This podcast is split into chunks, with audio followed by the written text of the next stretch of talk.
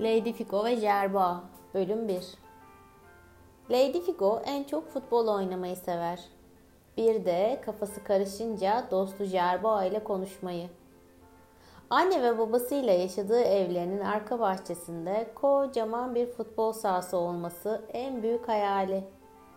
Şayet bahçelerinde bir futbol sahası olursa istediği zaman arkadaşlarıyla toplanıp orada oynayabilirler.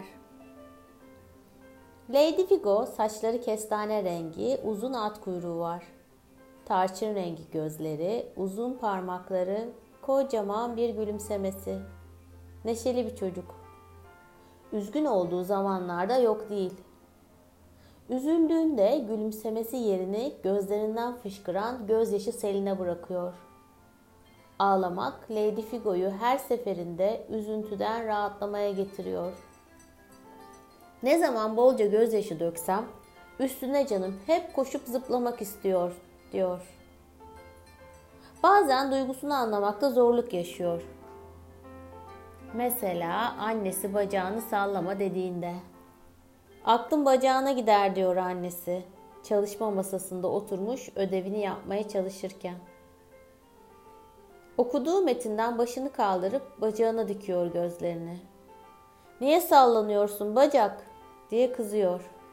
Bak senin yüzünden annem bana kızıyor. Bir şey oluyor içinde sonra. Suçluluk gibi, çaresizlik gibi, hayal kırıklığı gibi de aslında. Duyguların içinde sallanıyor bacağıyla birlikte. Annesi hala başında bekliyor. Bacağını sallama. Aklın bacağına gidiyor bak işte. Jerva masanın üstünde oturmuş renkli resim kalemlerini diziyor tek tek kalem kutusuna o sırada. Jerva'nın koca kulakları annenin sözleriyle açılıyor.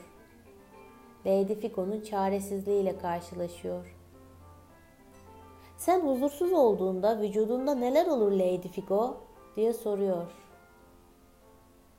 Hmm diye düşünüyor, düşünüyor, gözleri kapalı soruyor kendine. Buldum. Bacağımı sallarım. Evet evet bacağımı sallarım. Mesela bazen okuduğum metinleri anlamakta zorlanıyorum.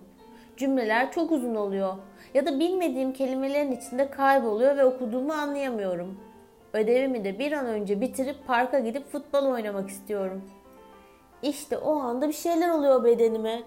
Hadi hadi diyor içimdeki ses ve bacağım sallanmaya başlıyor. En çok da suçlandığımı düşünüyorum. Anlamadığım için başarısız olduğumu bir de. Annene kendini ifade etmeye ne dersin? dedi Jerboa. Mesela şöyle bir cümleyle. Bazen okuduğum metinleri anlamakta zorlanıyorum. Anlamayınca huzursuzlanıyorum. Sonra bacağım sallanmaya başlıyor. Desteğine ihtiyacım var anne. Bana uzun gelen metinleri daha rahat nasıl okuyabilirim? Yardım eder misin?''